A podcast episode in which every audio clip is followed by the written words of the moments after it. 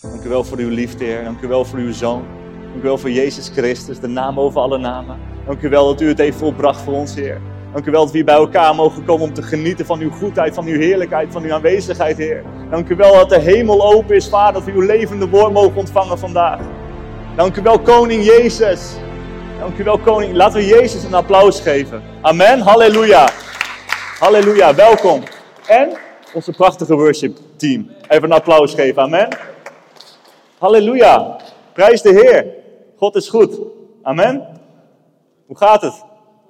Het is lekker weer, hè? Het is echt heerlijk weer. Ik heb alleen niet zo goed nieuws. De preek duurt vijf uur vandaag.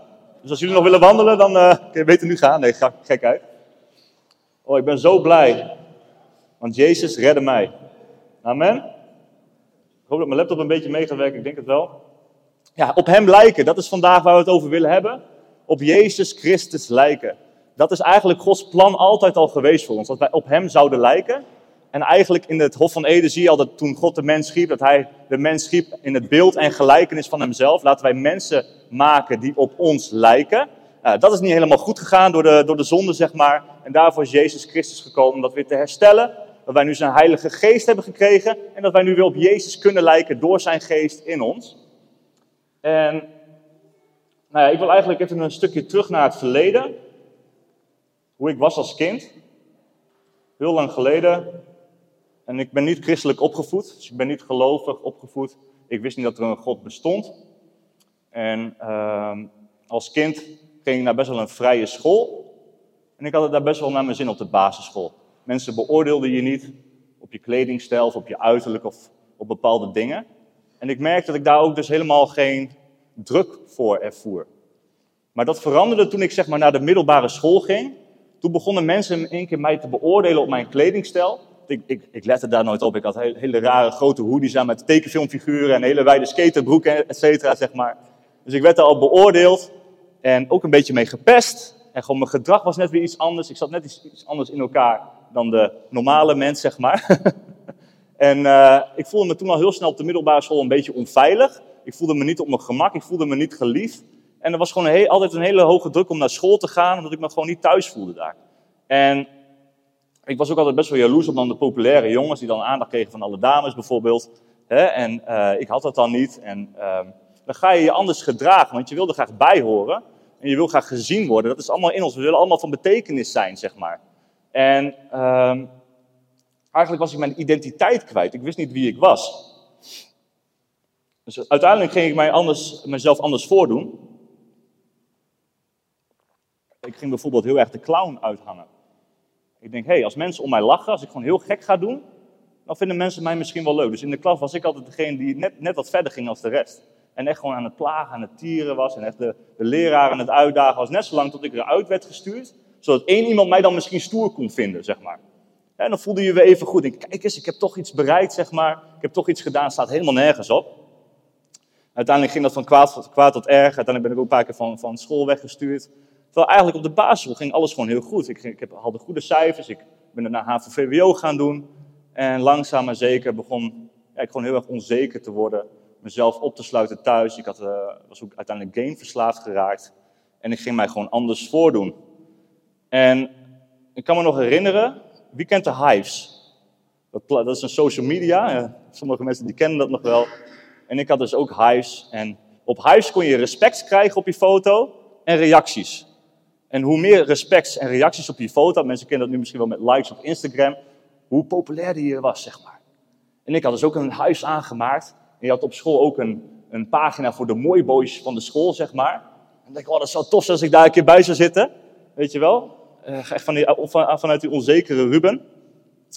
En er was dus één jongen, die, die had altijd duizenden respects en likes op zijn foto's. En die kende ik toevallig. En dan zei hey Ruben, ik heb een trucje dat je heel veel likes en respects kan krijgen. Dat je bovenaan komt te staan. Want je, had zeg maar op huis dat je een top 100 met de top gelikte foto's uh, meest populaire mensen, zeg maar. De foto's met de meeste respects en uh, reacties. En hij had dus een trucje om daarin te komen. En die wilde hij aan mij vertellen, maar ik mocht het aan niemand doorvertellen. Dus hij leerde mij dat. En ik ben dat gaan doen. En dan ging je gewoon heel veel mensen liken. En dan ging je een reactie terugvragen uiteindelijk. Net zolang tot je in die top 100 kwam. En dan ging iedereen je daar liken. Ik weet niet of jullie me een beetje volgen. En uiteindelijk, lang val kort, was ik dus iemand die ging naar huis en ging ik even een mooi boy foto maken, even een beetje bewerken, zeg maar. En ik ging hem op huis zetten en ik ging dat trucje toepassen. En in één keer had ik duizenden respects en likes. En in één keer werd ik van een niet populaire jongen, werd ik in één keer populair ook op school. Mensen herkennen me van, oh, dat is die jongen, die heeft duizend likes. Hoe doet hij dat, weet je wel? En kreeg ik in één keer aandacht. En dat was niet goed voor mij. Ging ik helemaal uit de hoogte doen, zeg maar. Ging ik nog extremer mezelf uh, anders voordoen dan wie ik werkelijk was. En uiteindelijk heeft dat geresulteerd dat ik een beetje bij de stoere jongens ging hangen, drugs ging gebruiken, uh, ging stelen in de winkel. Uh, heel veel spijbelen, eigenlijk nooit komen opdagen. En dat ging van kwaad tot erger, dat het gewoon echt niet meer verder kon en dat ik gewoon echt steeds verder afgleed. En dat ik mezelf echt helemaal verloor in de drugs, dat ik echt gewoon verslaafd was. Verslaafd ben geworden. Ik heb hele heftige harddrugs gebruikt, negen jaar lang uiteindelijk echt zwaar verslaafd geweest. En eigenlijk mijn hele, mijn hele identiteit. Ik wist echt niet wie ik was. Ik wist ook nooit wat ik later wil worden. Heel veel mensen om me heen vonden dan auto's bijvoorbeeld helemaal geweldig of hard werken om rijk te worden. Op een of andere manier had ik die interesse gewoon niet. Ik wil altijd op dit moment nu meteen mezelf goed voelen en mezelf veilig voelen en gewoon lekker in de wolken zijn met mijn gedachten. Gewoon lekker in de vrede. Dat was altijd mijn verlangen. En drugs, die bracht mij daar het dichtst bij. Omdat ik niks anders kende. Ik kende God niet. Ik kende de waarheid niet. Ik was gewoon een verloren jongen. Uiteindelijk was dat game ook allemaal niet meer interessant. Tenzij ik dan wat op had, dan vond ik het misschien wel leuk. Dus ik was de hele dag mee bezig. Hoe kan ik mezelf goed voelen? En dat kon door middel van een middel te gebruiken. Ik had voor, elke, voor elk gevoel wat ik wou bereiken, had ik wel weer een apart middeltje. Dus ik was echt mijn eigen dokter. Oké, ik wil me nu even blij voelen, neem ik dit. Ik wil me nu eventjes lekker rust voelen, neem ik dat. En zo heb ik eigenlijk mijn leven, zeg maar, uh, uh, geleefd. En dat heeft er eigenlijk mee te maken dat ik niet wist waarvoor ik was geschapen. Ik wist niet dat ik was geschapen om op Jezus Christus te lijken. Heb daar een hele kan met water. Het kan zijn dat hij er doorheen gaat.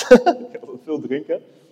Um, dus ik wist, niet dat, ik wist niet dat ik op Jezus Christus zou lijken. Dat dat de roeping is van God. En eigenlijk zorgde dat ervoor, hè, door de zonde die in de mens is gekomen tijdens de zondeval, dat wij steeds meer op de duivel zijn gaan lijken. En ook mijn identiteit begon daar steeds meer op te lijken. Ik begon te liegen. Ik begon van mijn ouders te stelen.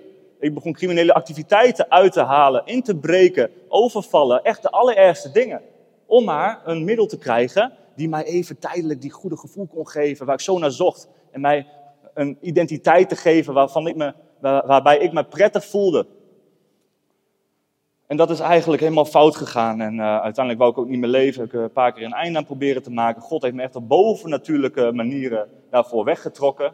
Ik weet nog dat het uitging met mijn relatie, waar, waarmee ik echt een dubbel leven had. Zij wist helemaal niks van me. Ik was elke dag onder invloed van de allerergste harddrugs en zij wist van niks. Ik kon, heel, ik kon heel goed liegen, ik kon heel goed manipuleren als, als we het hebben over de identiteit van de duivel aannemen. De duivel is een leugenaar. De duivel is ook heel depressief, want hij weet het einde is nabij. En hij probeert zijn gevoel, zijn karakter, zijn gedachten in ons te planten. Dat wij ook angstig worden, dat wij ook gaan liegen, dat we ons ook depressief voelen. Maar er is hoop in Jezus Christus. Maar bij mij ging dat dus heel ver. En uh, uiteindelijk is die relatie stuk gegaan. En in het begin vond ik dat niet zo erg. Ik dacht, oh, daar kom ik wel snel overheen. Maar een paar weken later werd ik, werd ik me toch een partijtje depressief. En toen ben ik aan een middel gegaan, dat heet heroïne. Als je daar eenmaal aan zit, dan uh, op dat moment, dan is, dan is het echt, uh, ja, dan kan je de hoop opgeven bijna eigenlijk, menselijk gezien. Dus ik, werd, ik ging van kwaad tot erg, ik was zwaar verslaafd aan het raken. Ik ben uiteindelijk naar, naar Bulgarije gegaan. Daar kon ik werken in een callcenter. Ik was heel goed in sales altijd, terwijl ik altijd drugs gebruikte. En uh, ik denk, nou, als ik daarheen ga, dan komt het wel goed. Dan heb ik gewoon een nieuw leven, kan ik alles achter me laten. Ik laat ook de drugs achter me. Ik nam alleen wat, uh, wat medicatie mee om rustig te kunnen slapen in ieder geval. Tijdens de afkick, want ik wist dat dat zou gaan komen. Maar die viel me zwaar daar. Die viel me een partijtje zwaar. Toen hoorde ik dat mijn, mijn ex, dus waar het net mee uit was, die had met mijn beste vriend tijdens het uitgaan wat gedaan. En dat brak me helemaal. Dus ik ben daar eigenlijk best wel doorgedraaid. En op dat moment besloot ik, oké, ik ga er een einde aan maken. Het hoeft voor mij niet meer. Ik ben er helemaal klaar mee.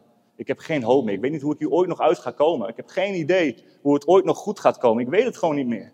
En ik had medicatie, dat zijn slaaptabletten. En ik had daar een fles vodka gekocht. En ik, en ik ging naar de derde verdieping. Ik, denk, ik zat bij iemand in huis, in een, uh, in een appartement, totdat ik mijn eigen woning kreeg. En best wel hoog.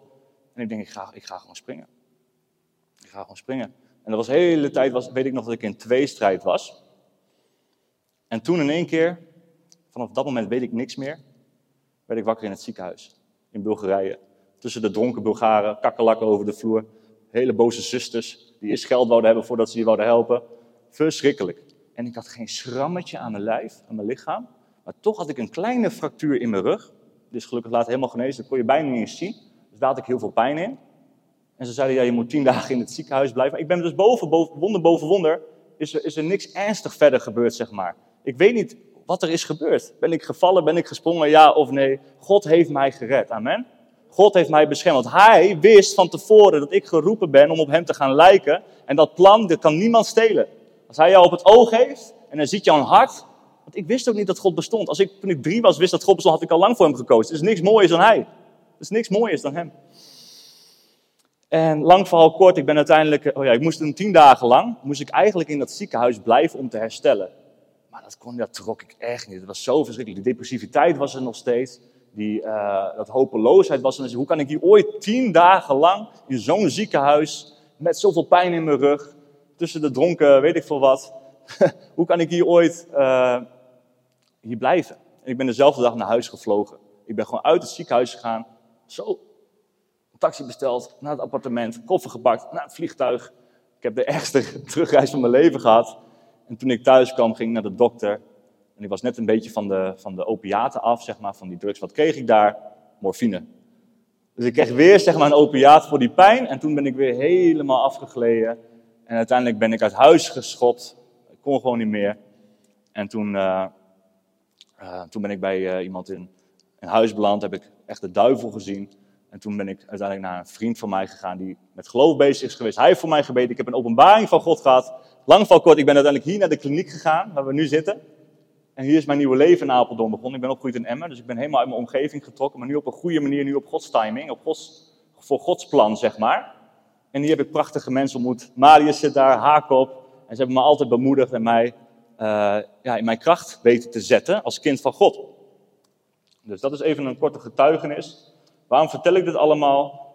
Als je niet weet wie je bent, dan kan je allemaal rare identiteiten gaan aannemen. De ene wordt verslaafd, de andere die wordt een weet ik veel wat, de andere die gaat achter het geld aan. En je, gaat, je gaat iets doen waar je je leegte mee gaat vullen, omdat je eigenlijk gewoon diep van binnen niet weet wie je bent. Maar God weet wel wie wij zijn, amen. God weet wie jij bent. God weet dat Hij jou heeft geschapen met een bedoeling, met een plan om op Jezus Christus te lijken. Zou je Romeinen 8 op het scherm kunnen, eh, kunnen zetten, Nick? Daar staat het eigenlijk heel duidelijk in.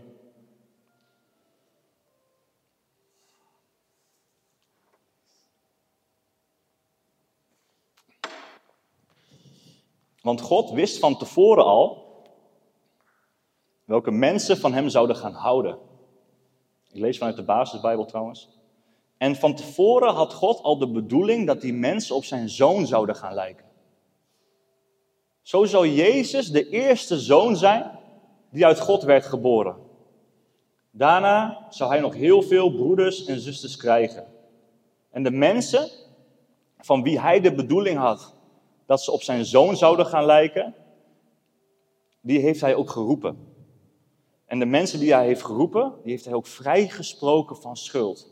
En dat is ook echt wat God op mijn hart heeft gelegd voor vandaag dat we dat allemaal heel diep gaan beseffen. Als jij Jezus oprecht volgt, dan ben jij vrijgesproken van schuld. Ben je schoongewassen, dan mag je gewoon bij je vader komen. En de mensen die hij heeft vrijgesproken van schuld, die heeft hij ook zijn hemelse macht en majesteit gegeven. In de originele vertaling staat verheerlijk. Hij heeft ons glorified. Dat komt omdat zijn geest nu in ons woont, als wij wedergeboren zijn. Dus we hebben de volheid van God gekregen. Hè? Om weer op Jezus te lijken.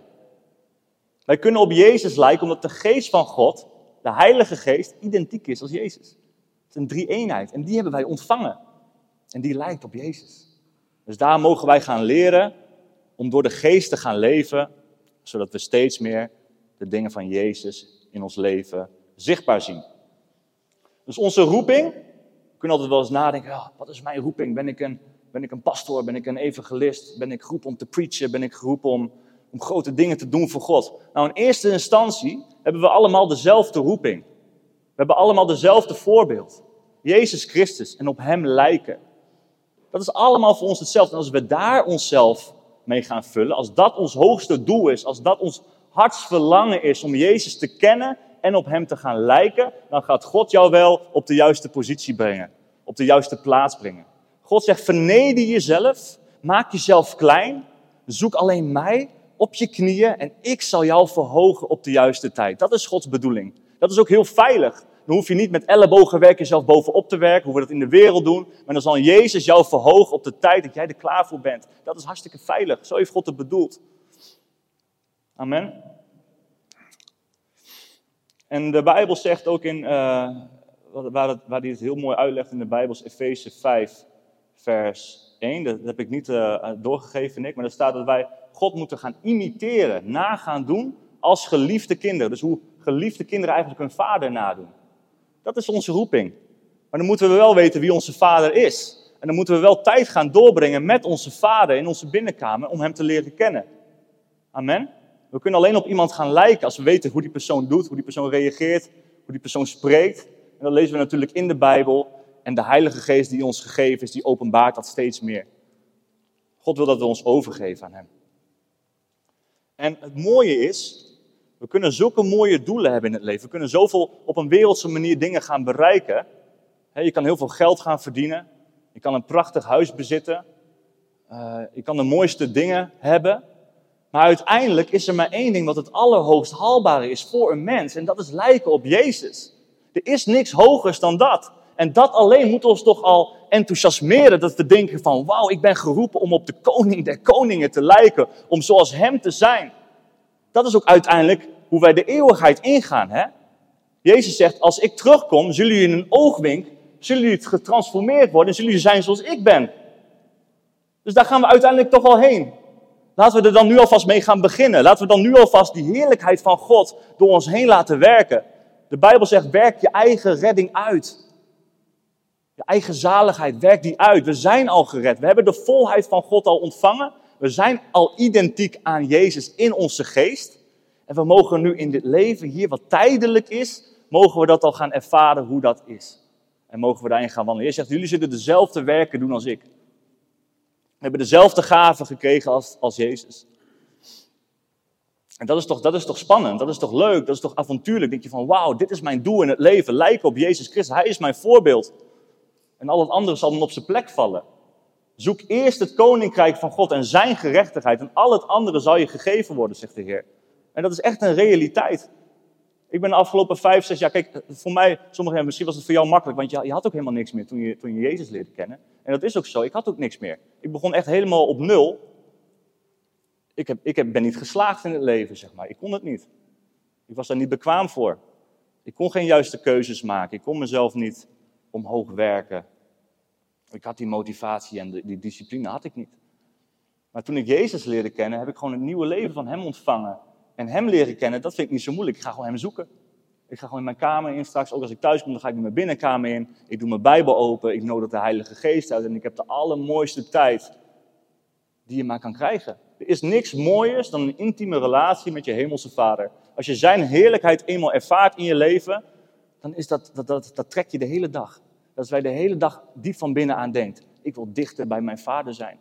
Ik wil dichter bij mijn mijn koning Jezus zijn. En dat komt omdat we dat diep van binnen voor zijn geschapen. Om één te zijn met Jezus. De Bijbel zegt, ieder die, die Jezus toebehoort is één geest met hem. We zijn verbonden met hem. Halleluja, Jezus. Paulus begreep het principe ook. Hij zegt in 1 Korinthe 11, zegt, neem mij als voorbeeld en doe als ik. Want mijn voorbeeld is Christus. Dus hij was zo bezig om zich te laten vormen.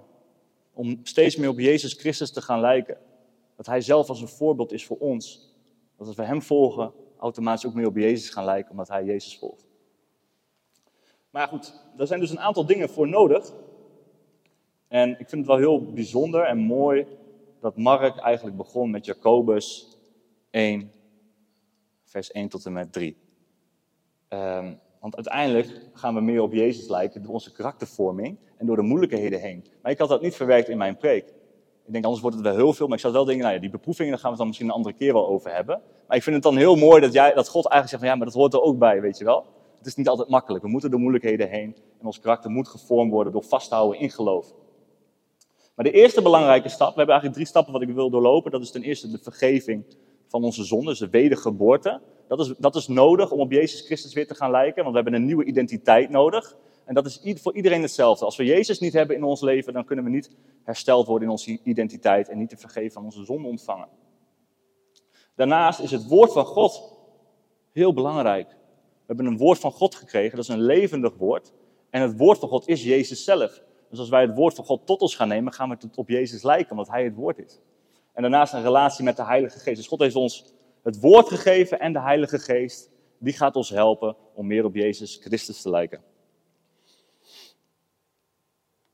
Even kijken, Romeinen 5, vers 1 en 2. Dit is eigenlijk een prachtige vers die eigenlijk het samenvat. En nu we door ons geloof zijn vrijgesproken van schuld, hebben we vrede met God. Die vrede hebben we te danken aan onze Heer Jezus Christus. Door wat Hij heeft gedaan, kunnen we door ons geloof nu ook genieten van Gods liefdevolle goedheid voor ons. En door Hem kunnen we ook altijd blij zijn. Want we weten dat we straks in Zijn heerlijke aanwezigheid mogen leven. Dat is toch prachtig? We hebben gewoon vrede met God. Er is niks meer tussen ons in als we ons geloof in Jezus hebben beleden. Als we voor Hem hebben gekozen, als we voor Hem willen leven. Ons hebben bekeerd. Laat ons dopen. We worden één met Zijn dood en we staan op met Hem. In een nieuw leven, in een nieuwe identiteit. En dan zijn we weer herkenbaar voor God.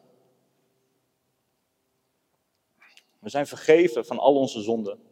En dat is gewoon iets heel belangrijks dat we dat echt gaan beseffen.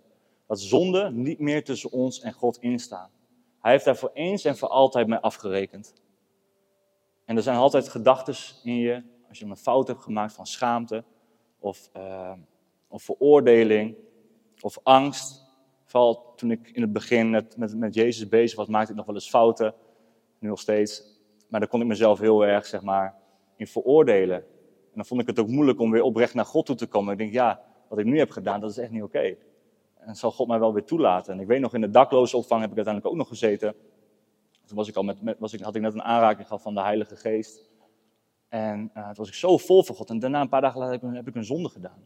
En dan voelde ik me zo schuldig over. En ik was zo bang dat ik mijn redding was verloren. Ik was zo bang. Ik zeg, God, ben ik nog wel uw kind? Ben ik nog wel uw zoon? Ik dacht echt dat ik het kwijt was geraakt. Want je voelt je zo afgesloten voor God. De zonde is echt niet oké. God, God is genadigvol. Hij vergeeft ons. Maar het brengt wel een, een muur zeg maar, in je hart naar God. En die muur had ik. En ik denk, oh God, ben ik nog wel uw zoon? En toen ging ik bij de begeleider, waarmee ik in die dakloze of die mij hielp, zeg maar, ging ik in gesprek. Doen altijd aan het einde van de dag, even vertellen hoe gaat, hoe ging je dag? En zij zegt, heb je wel eens je naam opgezocht? Zomaar uit het niets. En ik had het wel eens gedaan, maar ik wist niet meer precies wat het betekende. Dus we gingen samen mijn naam opzoeken. Dus typte in, wat betekent Ruben? En er staat Ruben, zie een zoon. Halleluja, amen. Toen kreeg ik zoveel rust in mijn hart. Ik wauw, God is zo goed. En dat is zo mooi om te weten dat wij in dit leven gaan wandelen met God. Niet dat alles perfect hoeft te gaan. We zijn zijn kinderen en we kunnen echt fouten maken. Maar we mogen gewoon weer opstaan met Hem. Hij veroordeelt ons niet meer. Hij kijkt naar ons hart. Hij ziet allemaal ons hart. Als jij oprecht God lief wil hebben, als jij oprecht op Jezus wil lijken, dan is dat wie jij echt bent. Want de Bijbel zegt, zoals jij denkt in je hart, zo ben jij. Dus dan wil ik ook gewoon dat je weet, maak je dan niet druk als je nog niet bent waar je moet zijn. Als jij in je hart diep van binnen op Jezus wil lijken. Als jij diep in je hart meer van Hem wilt. Dat betekent dat dat is de echte persoon wie jij bent. Dat is het diep van binnen in je. En dat gaat er dan ook uitkomen. En dat is dan een proces. En ik heb gewoon gemerkt de afgelopen vijf, zes jaar dat ik met de Heer wandel. Vooral in het begin kon ik echt nog wel eens echt flink op mijn plaat gaan. Echt foute keuzes maken. Gewoon zondes doen. Je weet dat ze niet goed zijn. En toch word je meegesleurd daarin. En ik heb gewoon gemerkt dat God nog nooit boos op mij is geweest. Nog nooit. In al die tijd. Nog nooit. Ik weet nog dat ik soms echt boos was op God. Dat het gewoon niet lukte. Dat ik gewoon echt aan het schreeuwen was naar God. En toen kreeg ik een beeld, een visioen dat Jezus mij een knuffel gaf. Midden in die boosheid op God. Zo genadevol is God, zo liefdevol is Hij. Hij geeft je keer op keer weer een nieuwe kans. En God heeft een plan met jouw leven. Hij heeft jou geroepen om op Hem te lijken. En daar is de genade van God voor gegeven. Dat is zo prachtig. Efeze 1, vers 7 legt het eigenlijk heel mooi uit. Want door het bloed van zijn zoon heeft hij ons gered. Door zijn bloed kon hij ons vergeven. Dat we hem ongehoorzaam waren. Hij deed dat niet omdat we dat verdiend hadden maar omdat Hij zoveel van ons houdt. In de Engelse vertaling, Hij heeft ons ook die genade gegeven. Dus ten eerste vergeeft hij ons van onze zonden. En daarnaast geeft hij ons de genade om ons te transformeren en steeds meer op Jezus te laten lijken. In een hele veilige omgeving met je vader. En het is een God die we persoonlijk kunnen kennen. Dus als we weten dat we zijn schoongewassen, dan gaan we ook minder snel zondigen. Als je net hebt gedoucht, je hebt schone kleren aangetrokken, dan ga je niet buiten in de tuin schoffelen meteen. want je voelt je schoon, je voelt je clean. En dat is wat God op dit moment tot jullie allemaal wil spreken. Dat jullie volledig schoongewassen zijn door het bloed van Jezus op dit moment. Keer je tot God, heb je een fout gemaakt, zeg sorry Heer. Op dit moment ben je schoongewassen met het bloed van Jezus. De genade van God is elke dag nieuw. En je kan vanaf nu weer helemaal opnieuw beginnen. En in die schoonheid van Jezus Christus, het bloed van Jezus Christus jou heeft gewassen, kan je gaan wandelen. Dus we moeten geen zondige bewustzijn meer hebben, maar we moeten een zoonschap bewustzijn hebben. En ik, ik heb de laatste jaren geen bewustzijn meer van zonde. Dat zegt niet dat ik geen fouten meer maak of een zonde je dat feitelijk bekijkt, maar ik voel me geen zondaar meer. Het staat totaal niet meer tussen mij en God. En ja, ik maak fouten, maar ik weet, mijn God houdt van mij. En ik ga, ik ga omhoog, ik zie de stijgende lijn. Dus ik voel me geen zonde meer. Ik word niet wakker van, oh, als ik het vandaag maar geen fouten maak. Wat zal God dan wel niet denken? En ik word wakker en dank je Jezus, ik ben uw zoon, ik ben geliefd. Ik mag u dienen, ik mag u kennen, ik mag u ervaren. En dat is wat God allemaal tot ons wil spreken. Het is een leuke relatie met God. Het is een gezellige relatie met God. Het is een, het is een genadevolle relatie met God. Amen. Halleluja. En uh, in Johannes 1, vers 9 dat is een mooie vers. Die ons kan helpen, zeg maar, om te vertrouwen. Dat als wij oprecht naar God gaan met alles wat we hebben, met een oprecht hart, dat God ons keer op keer toelaat. Ik weet niet of we, die, of we hem hebben. Ja. Maar als we het aan God vertellen, als we verkeerd gedaan, hebben gedaan en Hem om vergeving vragen, dan vergeeft Hij ons. Dan was Hij ons weer schoon van elke ongehoorzaamheid zoals hij, belooft, zoals hij heeft beloofd. Want hij doet altijd wat hij zegt. Dus weet dat ook. Gewoon die oprechtheid is zo belangrijk met God. Dat je je op je gemak gaat voelen bij Hem. Als je wakker wordt en dat je niet een spanning voelt van oh, ik moet nu de Bijbel lezen, ik moet nu uh, mijn gebedje doen. Dat je gewoon even gaat zitten en er hoeft niet eens wat uit te komen. Je gaat gewoon zitten en je weet gewoon ik ben met God nu op dit moment. Je doet je Bijbeltje open. Je hebt even een instrumenteltje op de achtergrond aan, bijvoorbeeld, om het even wat, wat gemakkelijker te laten. En je gaat gewoon eens lezen wat er staat in het woord. Tegelijkertijd dank je God voor wie Hij is. En je gaat je gewoon heel ontspannen, ga je gewoon tijd met God doorbrengen. En je zult zien dat Zijn aanwezigheid het over gaat nemen als je gewoon oprecht tot God komt. En je Hem de ruimte geeft om in je hart te laten werken. Want God kent toch alles al wat in ons hart leeft. Hij ziet echt alles. Alles weet Hij. En alsnog zegt hij, kom bij mij, zoals je bent. Geef mij jouw hart, dan geef ik mijn hart aan jou. En dan heb je intimiteit met God. En dat is het hoogst haalbare voor een mens. Om intiem te zijn met Jezus Christus. Dat je zijn liefde voor je persoonlijk ervaart, zijn genade, zijn troost. Dat je weet dat alles goed zit. Dat je weet zeker dat je bent gered, dat je niet die twijfel daarover hebt. God wil niet dat je twijfelt over je redding. God wil niet dat je bang bent om eerlijk bij Hem te komen. God wil dat je gewoon jezelf bent. En zeg, God, ja, ik heb dit nog in mijn hart leven. Ik weet dat het niet goed is, vader. Maar ik wil het ook helemaal niet in mijn hart hebben. En u mag daarbij komen. U mag het zien. U mag weten wat het is. Dan beleid je en zeg je dit en dit. En ik dank u voor die bloed, Jezus. Dat u mij schoon was van elke ongerechtigheid. En dat ik weer met u verder mag gaan wandelen. Om weer meer op u te gaan lijken. Want nu de zonde weer is weggewassen, kan uw geest weer vrij door mij heen stromen. Het woord van God in het begin was het woord en het woord was God. Was bij God en het woord was God. Dus door het woord, wat Jezus dus is, gaan wij meer op Jezus lijken. Dit is een van de mooiste dingen die, die God mij persoonlijk heeft geopenbaard. Hoe het groeien in Christus werkt. Het is echt prachtig. Het woord van God doet het werk voor je. Want het woord van God is levendig. En alles wat leeft groeit. er zit zoveel openbaring achter.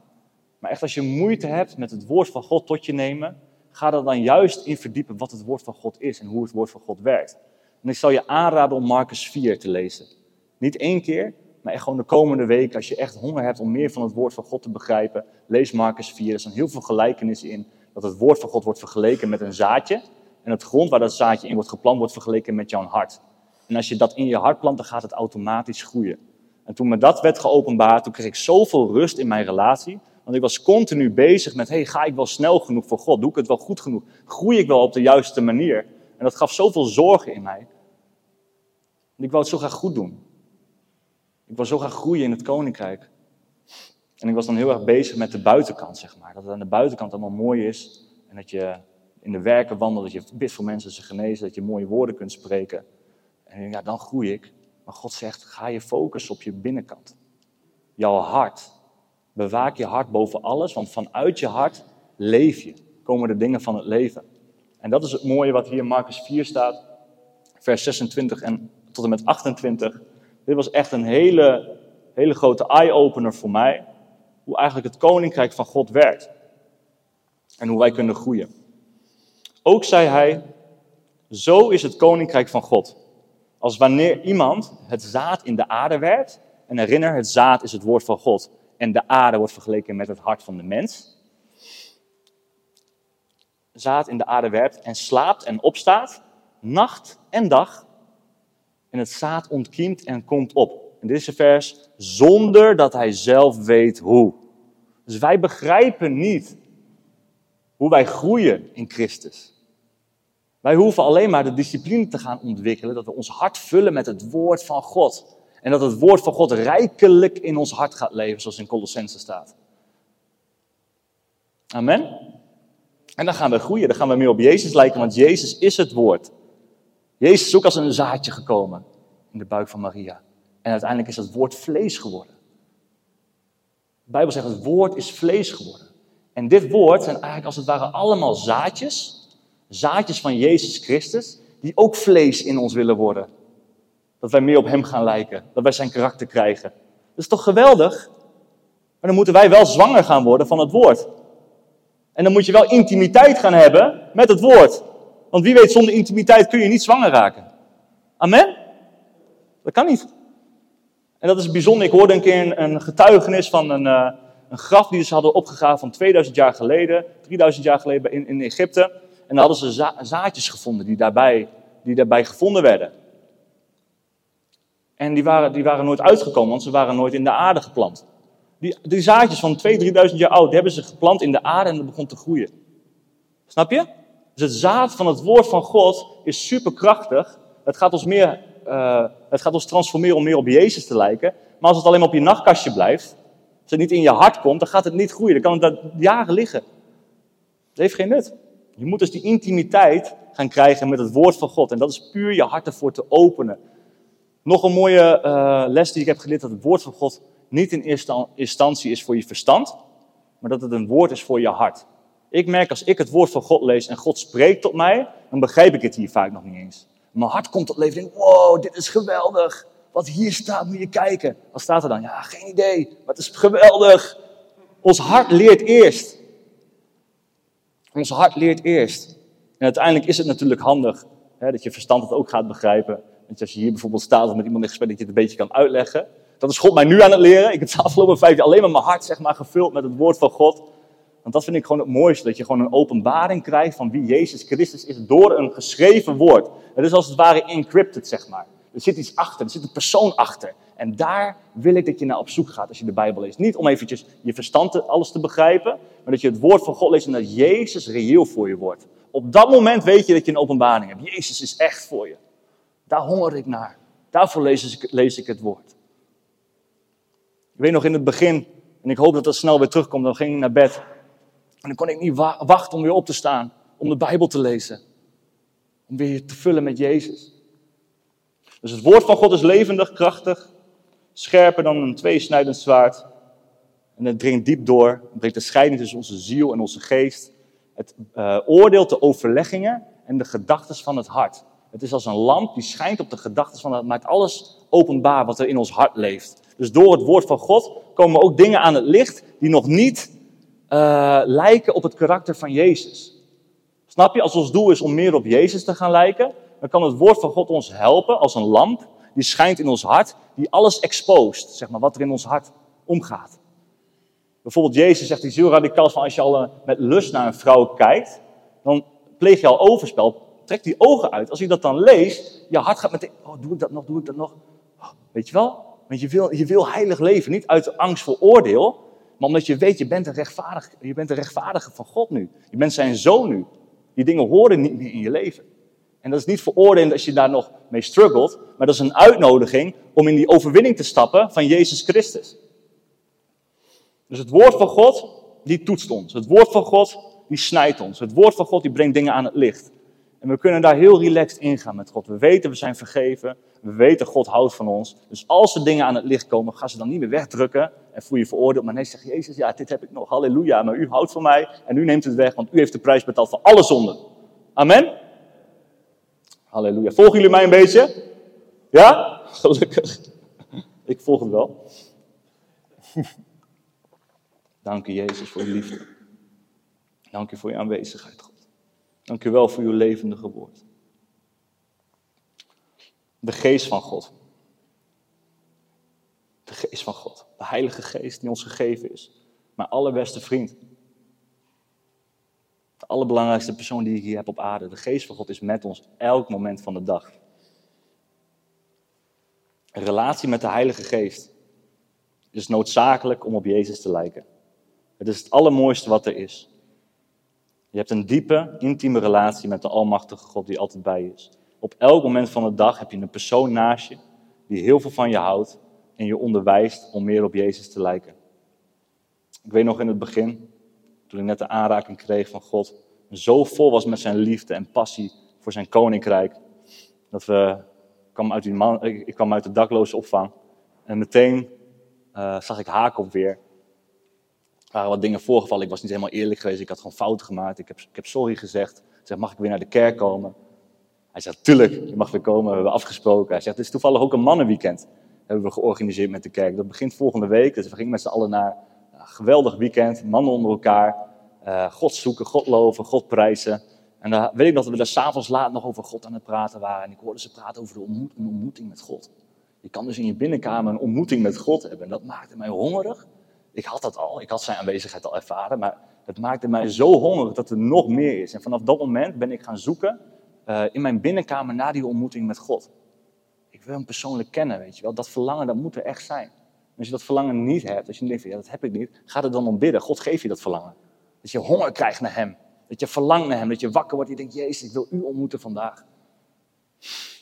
En uh, ik weet nog, dat ik in het begin heel erg in mijn eigen kracht dat dan probeerde te doen vanuit religie. Dus dan ging ik bijvoorbeeld een half uur op mijn knieën zitten. En dan ging ik, oh Jezus, u bent zo mooi, u bent zo mooi. Heel veel woorden, oh wat bent u geweldig. En dan hopen dat Jezus kwam, zeg maar. Vaak dan stoot ik dan mezelf uh, en dan werkt het niet.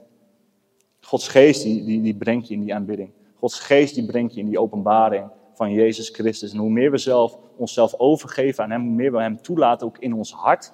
En dat we een affectie gaan krijgen voor Hem als de persoon dan wordt ons hart zacht en dan kunnen we zijn liefde ook echt persoonlijk ervaren. Heel veel mensen zeggen altijd, een beetje christelijke taal geworden, ja, het gaat niet om gevoel. Natuurlijk, geloof is het allerbelangrijkste. Maar God is een God die kan je ervaren in je hart. Het koninkrijk van God is, bestaat uit vrede, blijdschap en rechtvaardigheid in de Heilige Geest. Staat in Romeinen 14. Vrede kan je voelen, kan je ervaren. Blijdschap, bedenk je maar iemand die heel erg blij is, maar die voelt niks. Dat kan niet. Dat zijn dus twee derde van het koninkrijk, zijn waarneembare realiteiten. En ik merk dat ik heel vaak in mijn leven God in één keer niet meer ervoer in mijn hart. En dan hoor je vaak, ja, God houdt nog steeds net zoveel van je. En je hoeft het niet altijd te voelen. En dat klopt ook zeker. Je moet ook gewoon doorgaan op geloof. Dat moet je ook kunnen leren. Maar dat kan ook zijn dat je een affectie hebt gekregen voor iemand anders of voor iets anders als je s'avonds naar een restaurant gaat, een lekker restaurant met je lievelingseten, dat je daar blij van wordt, dat het gaat leven. Weet je, oh, lekker, ik ga een dikke steak eten. Dat heb je wel, maar je hebt niet van, oh, ik ga de Bijbel lezen en dan word je blij van. Nee, denk je, ja, morgen misschien weer. Dat betekent dat je een grotere affectie hebt voor iets anders, waar je hart wel warm van wordt. Maar God wil dat je hart warm wordt voor Hem. Dat is het allermooiste wat er is. En bewaak dat ook. Bewaak je hart boven alles. Bewaak die intimiteit met God. Bewaak het. Dat je hart warm wordt van zijn liefde. Ik ben daar de afgelopen twee maanden weer naar aan het uitschreeuwen naar God. Zeg, help mij dat mijn hart weer helemaal zacht wordt voor u zoals het in het begin was. Keer terug naar je eerste liefde. Bedenk je hoezo, wat voor, wat, voor wat voor hoogte je bent gevallen. Bekeer je en doe de eerste werken weer. Ik ben daarna aan het uitroepen naar God. Zeg, God, maak mijn hart weer zacht. Wat zit er in mijn hart wat mij blokkeert van uw liefde te ervaren? En God liet het zien. Teleurstelling. Ik was in een aantal dingen teleurgesteld geraakt. Waardoor ik God iets minder goed vertrouwde. Het is niet dat ik God niet meer vertrouwde, maar op een bepaald vlak vond ik dat wel moeilijk. En je kan je voorstellen, als je je partner bijvoorbeeld niet vertrouwt, hoe moeilijk is het dan om zijn liefde te ervaren of haar liefde te ervaren? En zo is het met God ook. Onze hart moet gezond zijn, ons hart moet teder zijn voor Hem. We moeten een affectie gaan krijgen voor Jezus alleen. we kunnen zo makkelijk een affectie krijgen voor iets anders. Ook de dingen van God kunnen hoger zijn voor jou dan God zelf. Dat heb ik zo, zo vaak ervaren. Dat ik zo in een openbaring bezig ben en dat het zo belangrijk voor me is dat ik vergeet wie die openbaring heeft gegeven, bijvoorbeeld. Snap je? Dat de gaven van de geest zo indrukwekkend zijn, dat de zalving zo aan het toenemen is, dat mensen aangeraakt worden door God als je voor ze bidt. Dat dat belangrijker wordt dan jouw intimiteit met Jezus, waardoor dat allemaal ontstaat. Dan krijg je daar een affectie voor en dan merk je dat de liefde van God minder waarneembaar is in je hart. Dus ik wil je uitdagen. Ga naar God toe vanmiddag en zeg: Wat zit er in mijn hart wat mij weerhoudt om uw liefde persoonlijk voor mij te ervaren? En als God het aan het licht brengt, dan kan je, dat, kan je daarmee dealen. Dan kan je dat aan Hem geven. Zeg: God, ik vertrouw je. Ik zeg: God, ik vertrouw je op dit gebied. En hoe vaker ik het zeg en hoe meer je God daarin toelaat, hoe meer die liefde weer terug begint te komen. En dan kan je ook weer echt compassie hebben voor je naaste. Vanuit Gods liefde. Gods liefde die zo diep in je hart zit. Dan kan je iemand anders omarmen en zeggen: God houdt zoveel voor jou zonder dat het gemaakt is of zonder dat het hè, vanuit je verstand alleen komt. En je voelt die pijn van die persoon. En dat had Jezus ook. Hij werd bewogen door compassie. En dat bid ik dat we dat allemaal mogen gaan ervaren. En zo zullen we steeds meer op Jezus gaan lijken. Door zijn compassie, door zijn liefde. Want God is liefde. Als wij zijn liefde niet meer ervaren, dan kunnen we zijn liefde ook niet doorgeven. Dan wordt het koud en wordt het kil. En ook als je heel vurig voor God bent, is dat geweldig. Maar je hebt ook de liefde nodig. Ik was iemand die was altijd heel vurig voor God. En ik had echt nog heel veel te leren in de liefde en nog steeds.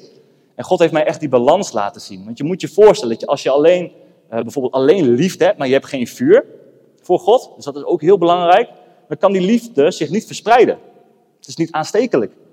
Die liefde moet aanstekelijk zijn, die moet vurig zijn. Maar als je alleen het vuur van God hebt en je hebt de liefde niet, dan kan je andere mensen gaan verbranden. Of jezelf.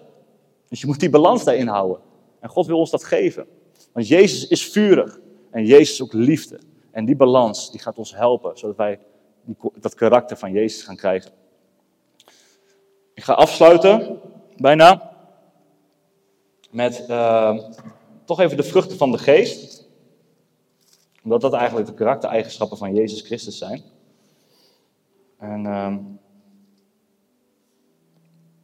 ja, als de geest in ons woont, en wat ik zeg, we geven hem de ruimte en we gaan vanuit de geest leven, dan zullen die vruchten ook zichtbaar worden. En dan zullen we die karaktereigenschappen van Jezus in ons lichaam of in ons leven zien. Um, we gaan ook even de werken van het vlees uh, bij langs. Dat zijn dus de dingen waar wij hè, persoonlijk wel mee moeten afrekenen. De Bijbel zegt, laat door de geest van God de daden van jouw lichaam afsterven. Dus in relatie met God kunnen we onze vleeselijke verlangens en natuur zeg maar, laten afsterven. Want dat is nodig zodat Jezus meer zichtbaar wordt. Als dat nog in de weg zit, dan is dat lastig voor de geest om daar uh, doorheen te werken. Omdat de geest en het vlees eigenlijk tegenover elkaar staan. Die zijn het niet met elkaar eens. Maar ik zeg in Gelaten 5, vers 16. Wandel door de geest en u zult zeker de begeerte van het vlees niet volbrengen. Dus het zegt niet stop met het vlees en ga in de geest wandelen. Hij zegt midden in jouw vleeselijke battle Ga in de geest wandelen. En dan zullen die verlangens van het vlees minder worden. Zul, je ze niet volbrengen. Dat is toch geweldig? Dat is de genade van God. We hoeven niet eerst met alles af te rekenen voordat we in de geest kunnen wandelen. We gaan wandelen in de geest en het vlees zal afsterven. Want het vlees begeert tegen de geest in en de geest tegen het vlees in. En die staan tegenover elkaar, zodat u niet doet wat u zou willen. Als u echter door de geest geleid wordt, bent u niet onder de wet. Het is bekend wat de werken van het vlees zijn, namelijk overspel, hoererij, onreinheid, losbandigheid, afgoderij, toverij, vijandschappen, ruzie, afgunst, afgunst woedeuitbarstingen, egoïsme, oneenigheid, afwijkingen in de leer, jaloersheid, moord, dronkenschap, zwelgpartijen en dergelijke, waarvan ik u voorzeg, zoals ik het ook eerder gezegd heb, dat wie zulke dingen doen, het koninkrijk van God niet zullen beërven. En je merkt gewoon als je dit leest, het doet iets met je, weet je wel. Het is iets pijnlijks, het is, oh, het is heftig, weet je wel. En dat schijnt dus in je hart. Het doet je hart van, zit daar nog iets in waar, waar ik in wandel? En dan is dat de Heilige Geest die dat aan het licht brengt in zijn liefde en genade. Zodat je zegt, ja God, dat heb ik inderdaad, maar ik wil dat niet. Help mij, reinig mij. Dus het is goed om zulke dingen juist te lezen. Ik weet nog in het begin, oh, daar ga ik even overheen slaan. Ik ga eerst naar de vruchten, vloek me even goed. Dan ga ik even kijken wat hier, uh, wat hier ook weer staat. De vrucht van de geest is echter liefde, blijdschap, vrede, geduld, vriendelijkheid, goedheid, geloof, zachtmoedigheid en zelfbeheersing. Daartegen richt de wet zich niet. En dan staat er nog een hele mooie vers. Maar wie van Christus zijn, hebben het vlees met zijn hartstochten en begeerten gekruisigd. Als wij door de geest leven, laten wij dan ook door de geest wandelen. Dus het is echt heel belangrijk om de Heilige Geest te leren kennen. En die leer je alleen kennen als je met hem gaat wandelen. Het is hetzelfde bijvoorbeeld Marco. Ik ga met jou één jaar lang non-stop doorwandelen. Aan het einde van het jaar kun je voorspellen dat ik Marco heel goed ken en hij mij ook heel goed kent. Dus hoe langer wij met de Heilige Geest gaan wandelen, want hij verlaat ons nooit, we kunnen non-stop met hem wandelen, dan gaan we hem beter leren kennen. Als we onze ogen en onze hart open houden voor hem. Onze geestelijke ogen. En zo gaan wij meer op Jezus lijken. Amen. Laten we bidden met elkaar. Ja, Vader, wat ben ik dankbaar dat ik u ken. Wat ben ik dankbaar, Heer, dat ik u in mijn leven heb. En wat ben ik dankbaar, Vader, dat wij met z'n allen kinderen van u zijn. Dat we allemaal geroepen zijn om in die volheid van Christus te komen. Zonder belemmeringen. Zonder angst, zonder schaamte, zonder twijfel. Maar dat we één doel in het leven hebben, dat is Jezus Christus.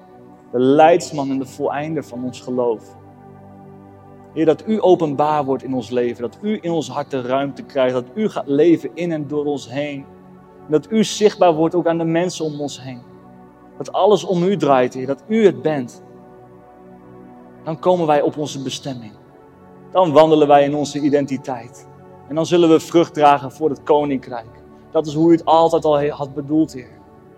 Om samen met ons te wandelen. Dank u, Jezus. Heer, ik bid dat dit woord, Heer, een verschil mag maken in de harten van ons. Dat we weer bewust gaan worden hoe belangrijk u bent. Dat u nummer één bent. Dat u alles bent, Heer. En dat u een God bent die zich wilt verenigen, verenigen met zijn kinderen. Hoe hoog verheven die waarheid is, Heer. Dat we één zijn met de schepper van hemel en aarde. Wauw. Wat een eer. Wat kan daar nou tegenop? Wat is er mooier dan dat? Wat is er waardevoller dan deze waarheid, Heer? Dat is het mysterie wat bekend is gemaakt aan ons, het geheimenis. Halleluja. Jezus Christus, de Zoon van God, gekruisigd, gepijnigd, gestorven en weer opgestaan, zodat wij een nieuw leven konden ontvangen. En in liefde en in vurigheid voor het koninkrijk konden wandelen. Heer, ik bid dat uw liefde, Vader, de harten van de mensen binnendringt, Heer. Dat uw genade, Vader, de mensen overspoelt op dit moment. Dat het nog niet te laat is. Dat het vandaag weer een nieuwe dag is. Dat je weer een nieuwe kans hebt gekregen. De genade van God heeft ons weer wakker gemaakt. En de genade van God zal ons ook wakker houden. Open je hart voor je hemelse Vader, zegt de Heer. Open je hart voor mij. Laat mij binnenkomen. Ik wil maaltijd met je houden. Ik wil aan jou vertellen hoeveel ik van je hou. Ik wil aan jou vertellen wat voor plannen ik met jou heb. Ik wil aan jou vertellen hoe waardevol je bent. Als je jezelf als waardevol gaat zien, dan zul je ook in die waarde gaan wandelen. We zijn geen mislukkingen. We zijn geen verloren zielen meer. We zijn gerechtvaardigd door het bloed van Jezus. We zijn meer dan overwinnaars. En de naam van Jezus zal bekend worden gemaakt in en door ons heen. Dat is waarvoor wij zijn geroepen, Heer. En daar gaan wij in wandelen. Zeg amen als je het ermee eens bent. Amen. Halleluja. Dank u, Jezus. Halleluja. We gaan nog een nummer zingen. God loven en prijzen. Amen.